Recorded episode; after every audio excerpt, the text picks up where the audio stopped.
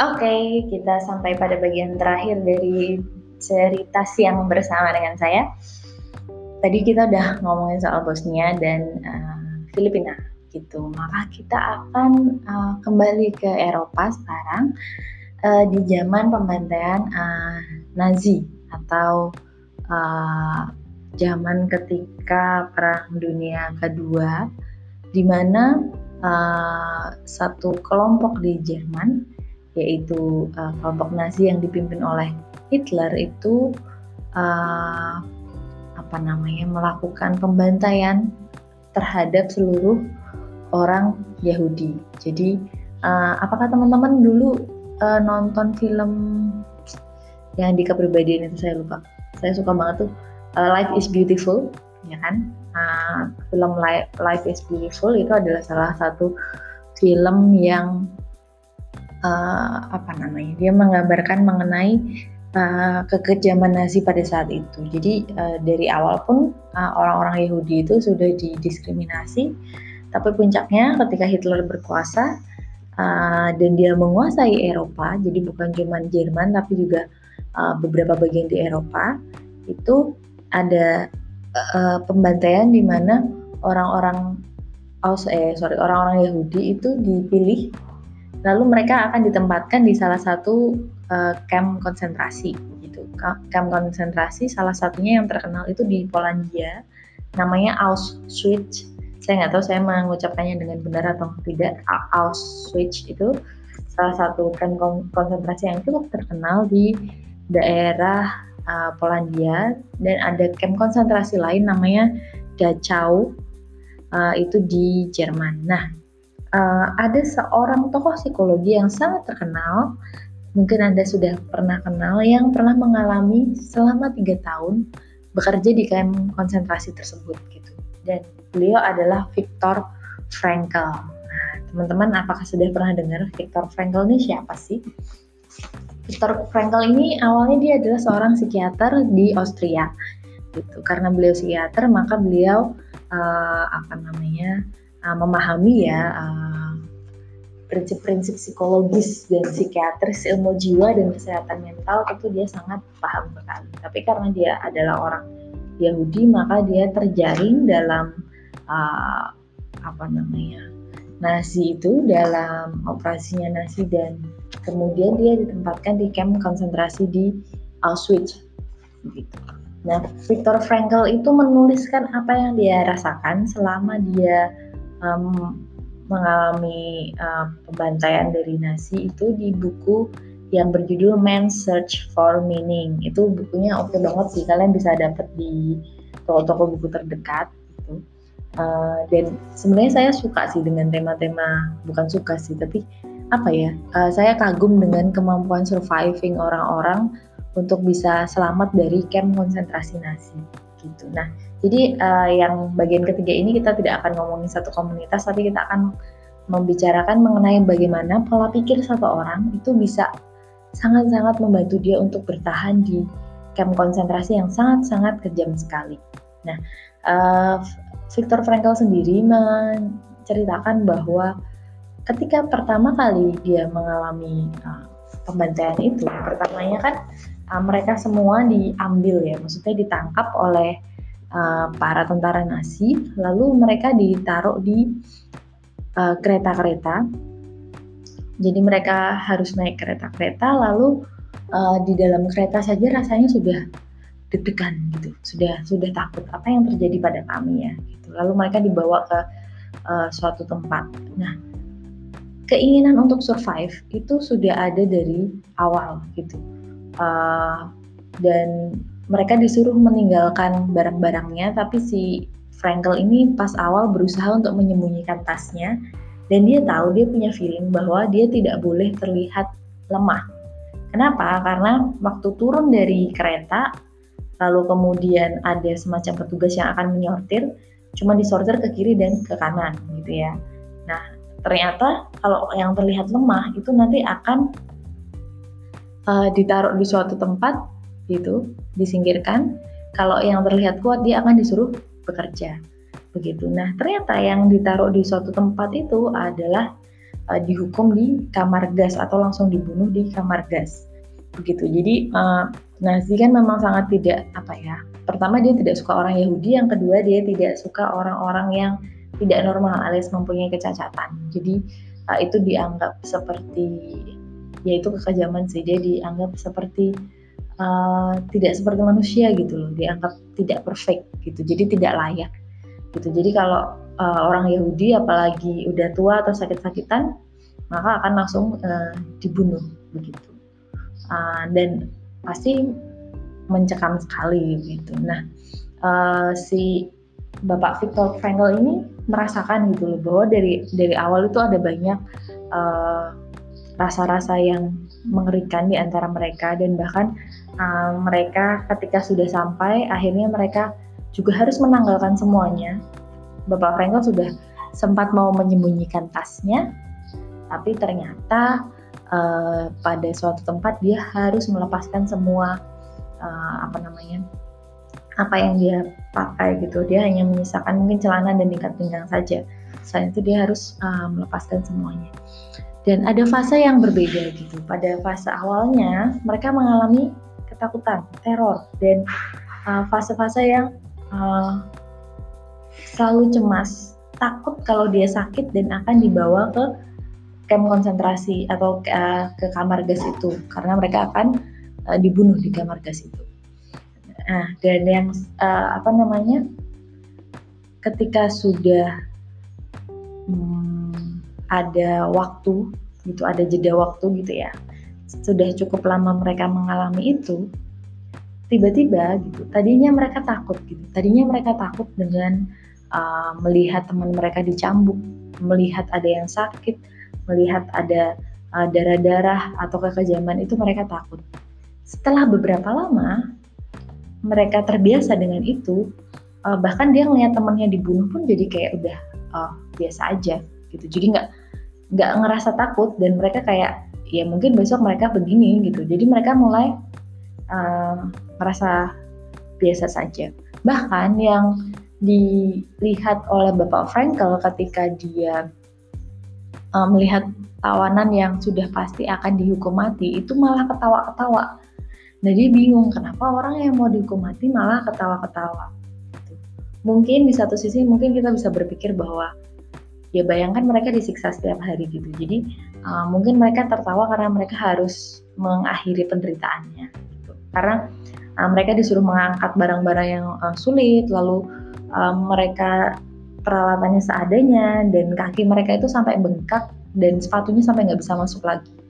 Terus makanannya juga cuma seadanya. Terus tidur itu mereka uh, harus berdempet-dempetan. Tapi kata bapak Frankel ya udah aku ambil positifnya saja karena kami nggak dikasih apa namanya nggak dikasih baju hangat dan waktu itu musim dingin.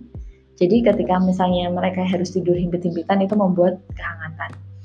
Nah ada satu fenomena mengapa orang yang mau dihukum mati justru ketawa-ketawa itu adalah uh, yang namanya delusion of reprieve. Jadi ada uh, delusi bahwa mereka itu akan dibebaskan gitu. Jadi itu menurut Pak Fengel kenapa orang yang mau dihukum mati itu ketawa-ketawa. Karena mereka membayangkan dirinya itu tiba-tiba akan dibebaskan dari hukumannya. Dan uh, bayangan itulah yang menyelamatkan mereka untuk tidak bersedih sampai mereka dihukum mati. Sedih ya dengarnya maksudnya kayak ya kita tahu kita akan mati gitu. Jadi gimana caranya biar kita nggak mati? Ya kita membayangkan kita nggak akan mati. Dan setidaknya kita tetap mati tapi nggak bersedih gitu. Nah itu namanya delusion of reprieve gitu. Dan uh, Viktor Frankl melihat sendiri orang-orang lain banyak yang mengalami itu. Dan dia bertahan tiga tahun, tiga tahun guys, tiga tahun disiksa seperti itu. Uh, saya kayaknya dua hari aja udah gila kayaknya kalau harus disiksa seperti itu. Tapi dia dia bisa bertahan tiga tahun.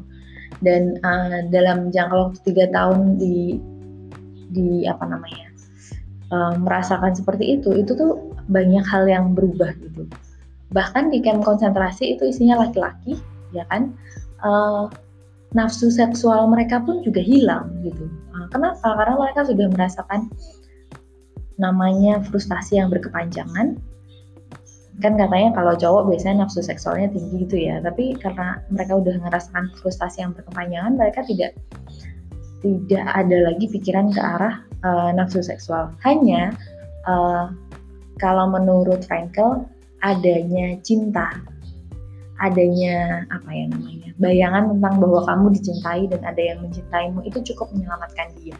Jadi ini salah satu hal yang menyelamatkan dia dari peristiwa traumatik bahwa pada saat-saat tertentu dia akan membayangkan istrinya. Dan dia bilang dia sampai bisa membayangkan detail istrinya. Bahkan ketika dia diejek dia disiksa sama uh, para apa namanya uh, tentara itu dia akan membayangkan mengenai istrinya gitu. Dan perasaan bahwa dia uh, mencintai dan dicintai istrinya itu membuat dia bisa bertahan. Meskipun dia tahu uh, dia nggak tahu istrinya masih hidup apa enggak dan ternyata istrinya meninggal begitu nah uh, dan apa yang selalu mereka bicarakan atau mereka uh, apa inginkan adalah makanan. Jadi makanan itu sesuatu yang selalu diinginkan oleh para uh, tawanan tentunya karena mereka kan dikasih makanannya dikit dan ada orang yang bertahan dengan cara ketika dikasih makanan itu mereka langsung makan secepat-cepatnya mereka kan dikasih roti tuh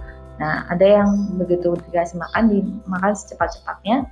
Tapi menurut saya Frankel ini berhasil dan dengan kuat dengan cara ketika dia dikasih roti dia uh, ambil separuh saja terus sisanya dia simpan. Nanti kalau misalnya dia ada uh, hal dia lapar dia kan nggak tahu tuh nah dia dia makan lagi jadi dia masih bisa berpikir jernih mengenai persediaan kalau yang lain dia uh, mereka memakan roti cepat-cepat karena mereka merasa takut kalau nanti roti rotinya uh, hilang diambil atau entah bagaimana uh, dia kehilangan rotinya jadi mereka langsung makan cepat-cepat. Nah, cuman masalahnya ketika makan cepat-cepat uh, kenyangnya juga nggak tahan lama. Nah, Frankel ini masih bisa berpikir bagaimana caranya kalau kita makan cepat-cepat uh, itu nggak bertahan lama, makanya dia makannya pelan-pelan dan dia bagi dua gitu. Nah, dan dia berkata bahwa pernah dia diejek oleh seorang uh, apa namanya prajurit Nazi yang itu ejekannya menyakitkan sekali tapi dia bahagia karena setelah selesai diejek dia mencari tempat lalu dia makan uh, sisa roti yang dia simpan dan baginya itu membahagiakan sekali. Nah, menurut saya yang keren dari Frankel ketika menghadapi masa trauma adalah dia berusaha mencari hal-hal positif yang dia uh, dapatkan. Uh, apa pun yang ada di sekitar. Dan dia bahkan uh, senang dengan uh, melihat langit gitu. Jadi dia bilang uh, meskipun tidak ada yang menyenangkan di dalam uh, camp konsentrasi itu ketika sore dia melihat langit uh, dan dia dan beberapa tawanan lain mereka merasa happy di situ jadi mereka masih punya rasa yang kuat untuk uh, terus uh, apa namanya mencari hal-hal positif yang bisa dipegang. Itu yang yang menurut saya keren. Apakah dia tidak merasa takut? Iya, dia merasa takut bahkan dari awal dia dia merasa takut sekali dan dia ngerasa kayak mungkin aku yang akan dibawa ke camp konsentrasi itu.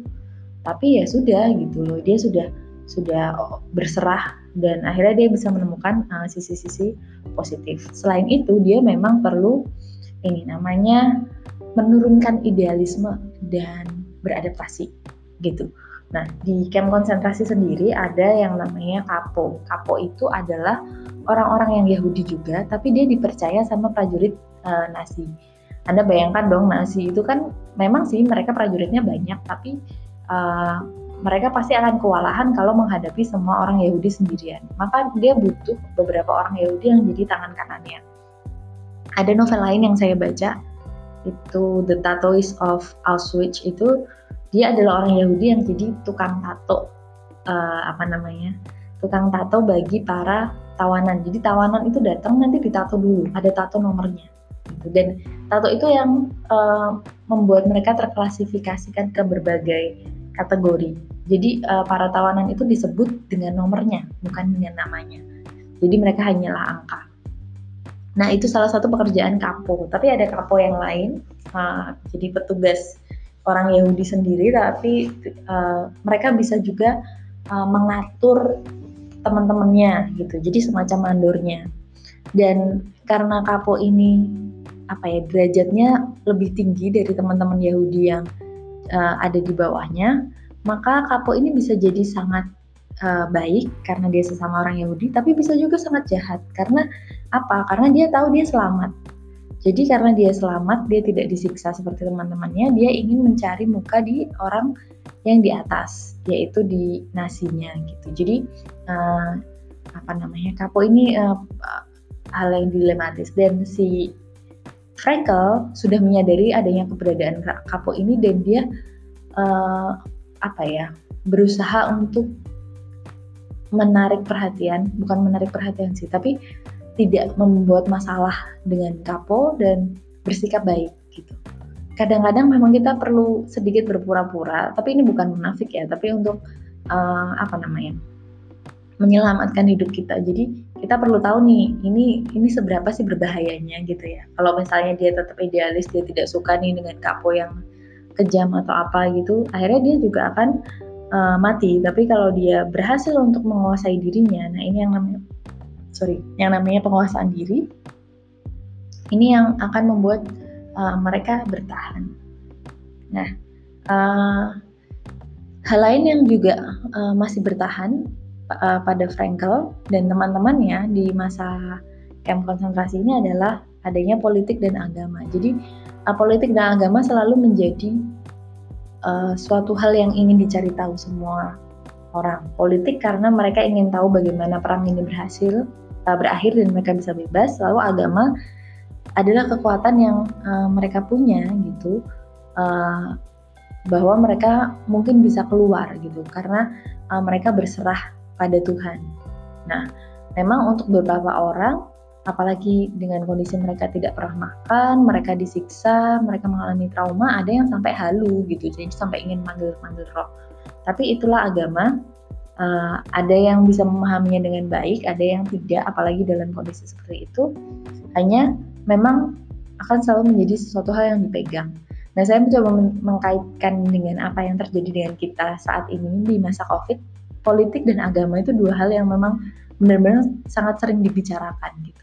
Ya, ternyata itu adalah defense kita ketika kita mengalami hal yang menekan. Kita akan uh, lari pada uh, pemimpin kita, politik pemerintahan dan pencipta kita yaitu Tuhan. Nah, hal lain yang dilakukan oleh Frankel dan teman-temannya untuk uh, mengatasi peristiwa traumatik yang benar-benar mereka alami sendiri adalah seni dan humor. Jadi humor itu membantu mereka untuk terus bisa bertahan dan uh, apa namanya uh, apa uh, bisa menertawakan. Jadi kalau kamu mampu menertawakan kondisimu berarti kamu cukup punya kuasa dan cukup uh, apa namanya menerima kondisimu gitu. Jadi untuk bisa menertawakan diri sendiri kita butuh yang namanya penerimaan. Nah, si Frankel sepertinya sudah mendapatkan yang namanya penerimaan sehingga dia bisa menertawakan uh, kondisinya dan itu membuat dia tidak begitu kepikiran. Nah, satu lagi adalah tentang seni. Jadi mereka pun ketika malam mencoba untuk uh, melakukan pertunjukan-pertunjukan seni, misalnya kabaret atau menyanyi, dan itu untuk saling mensupport satu sama lain. Karena seni itu adalah salah satu ekspresi manusia, terutama di kala-kala tertekan seperti itu. Nah, eh, banyak sih ceritanya, tapi ini mungkin saya ceritakan sedikit saja. Eh, dan memang penyiksaannya luar biasa. Frankel pernah bilang suatu hari dia tengah malam terbangun karena dia dengar ada satu tawanan lain itu yang uh, kayak tidur tapi kayak mimpi buruk jadi kayak sambil teriak-teriak gitu. Nah dia kasihan terus dia ingin membangunkannya sebenarnya biar uh, tidurnya nyenyak tapi kemudian dia berpikir bahwa kenapa aku harus membangunkannya ketika tahu bahwa uh, dunia di nyata ketika dia bangun itu akan justru lebih buruk dibandingkan dunia uh, ketika dia tertidur dan bermimpi. Jadi dia tidak jadi membangunkan. Nah, uh, ada satu hal yang menurut saya bisa menjadi summary atau menjadi simpulan dari kemampuan dia untuk bisa bertahan selama uh, menjalani camp konsentrasi yaitu satu apa namanya satu uh, pemikiran dia bahwa apa pun bisa dirampas dari manusia, kecuali satu, kebebasan terakhir seorang manusia. Kebebasan untuk menentukan sikap dalam setiap keadaan. Kebebasan untuk memilih jalannya sendiri. Nah, jadi misal uh, even dalam kondisi dia sangat tertekan, dia memilih jalannya sendiri gitu. Kadang ketika kita tertekan, kita merasa kita tidak berdaya. Kita merasa kalau uh, kita adalah korban. Padahal ada satu hal yang tidak pernah bisa dirampas darimu. Makananmu bisa dirampas, hartamu bisa dirampas, bahkan orang lain pun bisa dirampas darimu gitu. Tapi uh, kebebasan untuk menentukan dan memilih jalan sendiri itu adalah suatu kebebasan yang sebenarnya tidak bisa dirampas gitu. Uh, Frankel bisa saja disiksa dan dia merasa dia jadi korban dan kemudian dia akan bersedih dan sudah mengikuti saja lalu dia bisa mati. Tapi dia memilih untuk uh, mengetahui bahwa dia punya yang namanya kebebasan. Kebebasan untuk berusaha uh, apa namanya berusaha untuk uh, membayangkan istrinya misalnya karena bayangan itu masih bisa dia uh, dia apa namanya kontrol sehingga itu bisa menguatkan dia. Kebebasan untuk memilih bagaimana dia beradaptasi dengan orang lain meskipun dia tahu dia dalam siksaan gitu. Dan kebebasan untuk uh, meskipun tahu kira-kira semuanya akan berjalan buruk tapi dia tahu bahwa dia uh, masih punya kebebasan untuk memodifikasi sesuatu. Nah ini yang sangat perlu kita tekankan juga ketika kita bertemu orang dengan trauma gitu bahwa uh, oke okay, sesuatu hal menimpamu di masa lalu dan kamu jadi down, tapi jangan lupa bahwa uh, ada hal yang masih bisa kamu modifikasi meskipun itu hal yang terkecil sekalipun begitu. Nah kalau kalian tertarik dengan apa yang dilakukan Viktor Frankl silahkan baca bukunya uh, Man Search for Meaning. Itu uh, bagus sekali sih bukunya. Silahkan dicari. Uh, dan juga ada banyak tokoh psikologi lain yang menurut saya juga keren. Tapi Frankl ini uh, apa ya dia menurut saya istimewa. Ya, terima kasih sudah mendengarkan. Setelah ini akan saya singgung sedikit mengenai uh, refleksi hari ini dan uh, kuliah minggu depan.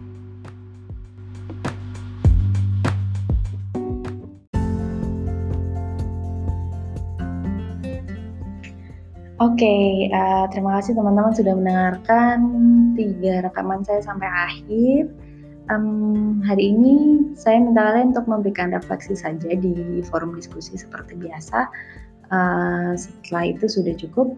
Lalu uh, dua pertemuan berikutnya adalah akan menjadi dua pertemuan kita yang terakhir. Dan setelah itu Anda UAS. Saya belum tahu apa yang akan menjadi UAS kalian, tapi dua pertemuan berikutnya kita akan bahas uh, suatu tema Uh, dan dalam pembahasan tersebut akan ada kerja kelompok di pertemuan besok. Uh, maksudnya pertemuan minggu depan akan ada kerja kelompok. Eh, teman-teman uh, akan dibagi satu kelas akan dibagi di keempat kelompok. Lalu pertemuan berikutnya kita akan ada bukan pertemuan minggu depan ya, tapi dua minggu lagi kita akan ada uh, video call. Jadi uh, tolong disiapkan saya belum tahu sih mau pakai apa, apakah mau pakai Google Meet atau Zoom. Tapi silakan teman-teman persiapkan untuk dua minggu lagi uh, butuh kuota untuk kita uh, ketemu sekaligus pertemuan terakhir uh, dan akan ada uh, apa ya? Hmm, mungkin kegiatan yang menyenangkan uh, dalam penutupan kuliah kita di intervensi trauma. Begitu silahkan ke cyber dan menuliskan refleksi kalian. Uh, kemudian uh, silahkan melanjutkan ke kegiatan kalian yang lainnya. Terima kasih, selamat siang.